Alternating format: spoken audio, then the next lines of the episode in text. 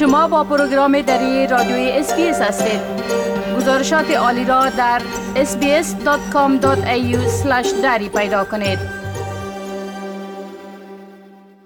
شنونده های عزیز حال همکار ما سام انوری درباره تازه ترین رویدادها و تحولات در ارتباط به کووید 19 معلومات میتن آقای انوری سلام عرض می کنم خب اولتر از همه اگر لطفا درباره وضعیت در ویکتوریا معلومات بتین با سلام به شما و شنوندگان عزیز. خب در شبانه روز گذشته 20 بیمار دیگر کرونا در ایالت ویکتوریا جان باختند و تعداد بیماران بستری شده آن در شفاخانه ها از 465 نفر در روز دوشنبه به 441 نفر کاهش یافته.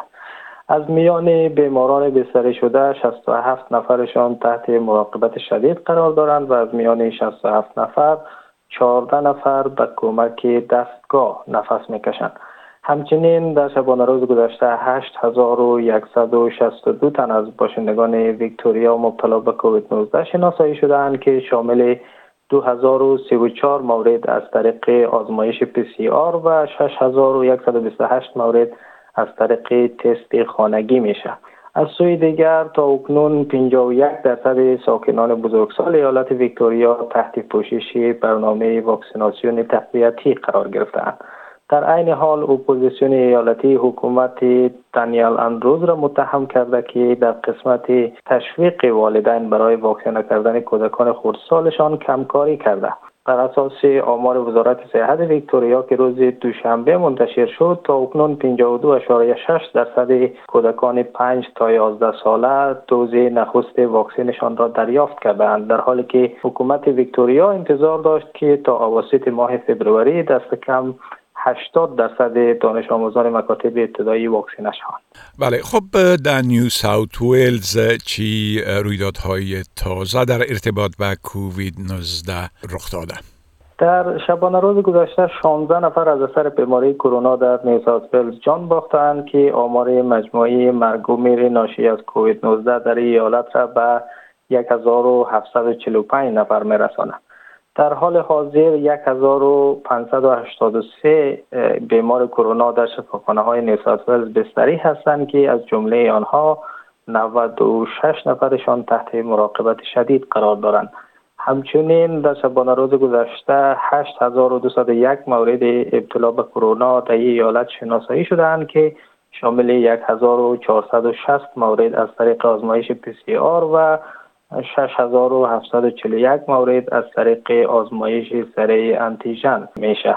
از سوی دیگر بر اساس آمار رسمی تا اکنون 83.5 درصد کودکان 12 تا 15 ساله در نیوسات ولز واکسین زده که شامل 78.9 درصد واکسیناسیون دوگانه یا دو دوزه میشه. در قسمت کودکان 5 تا 11 ساله تنها 45.5 درصد دوز اول واکسن خود را دریافت کرده و در میان افراد بالای 16 سال 48.5 درصد تحت پوشش واکسیناسیون تقویتی یا دوز سوم قرار گرفتند. بله خب گفتم میشه که توزیع واکسین نوواکس شروع شده بله؟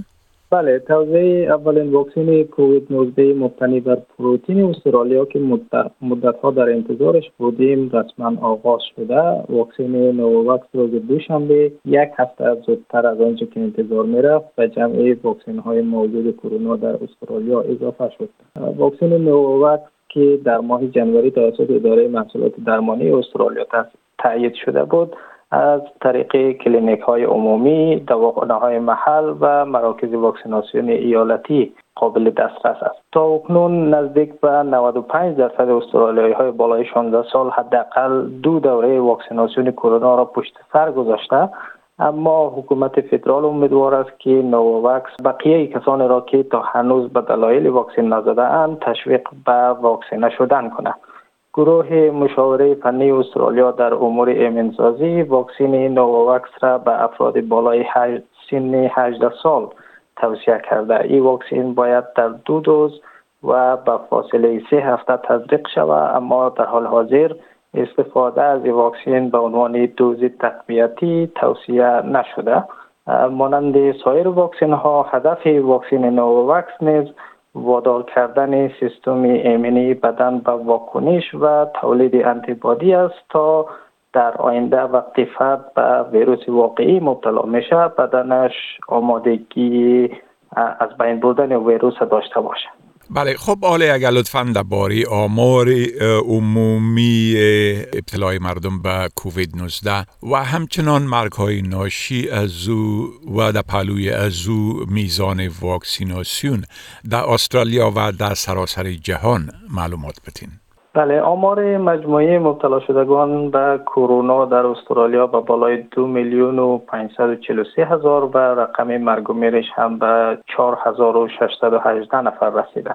در شبانه روز گذشته علاوه بر نیوسات ولز و ویکتوریا کوینزلند ده مورد مرگ و 5268 مورد ابتلا ساوت استرالیا 1138 مورد ابتلا و تاسمانیا 513 مورد ابتلا به کرونا ثبت کرده.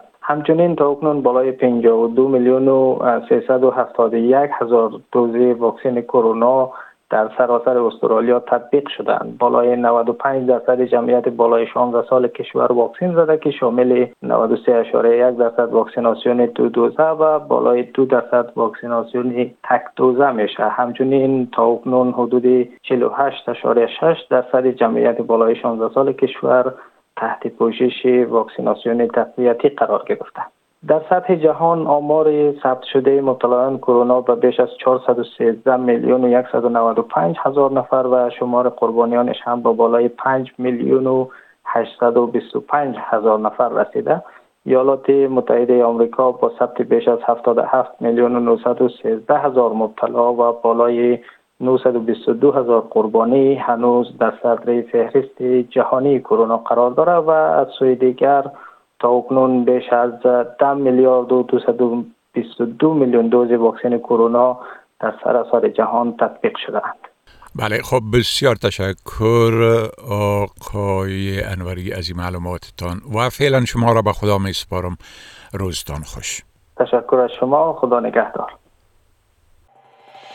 می خواهید این گونه گزارش ها را بیشتر بشنوید؟